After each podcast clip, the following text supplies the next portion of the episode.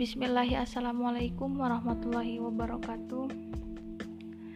Di sini saya akan membahas sedikit tentang pentingnya suatu mimpi ataupun cita-cita dalam hidup kita.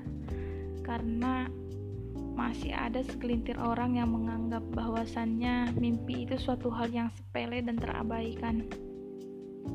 Namun pada kenyataannya Justru mimpi ini mampu memberikan kita energi positif dalam hidup kita. Maka sahabat-sahabatku sekalian, buatlah mimpi dan bermimpilah setinggi langit.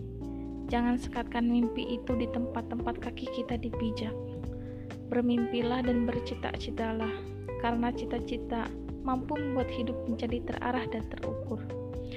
Ada tujuan yang hendak dicapai, baik dalam jangka pendek ataupun jangka panjang.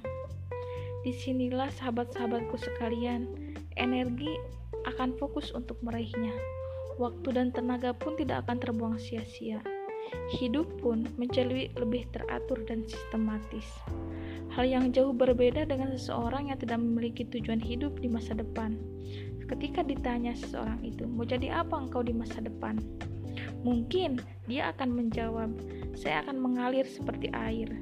Di sinilah prinsip atau suatu pemikiran yang membingungkan untuk dirinya sendiri, karena dalam hidupnya tidak memiliki target.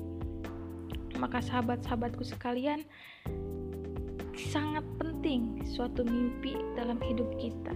Buatlah sketsa-sketsa dalam hidup kita, sehingga hidup kita lebih terukur, lebih teratur, dan sistematis. Mudah-mudahan kita semua bisa menggapai suatu mimpi-mimpi kita yang telah kita buat.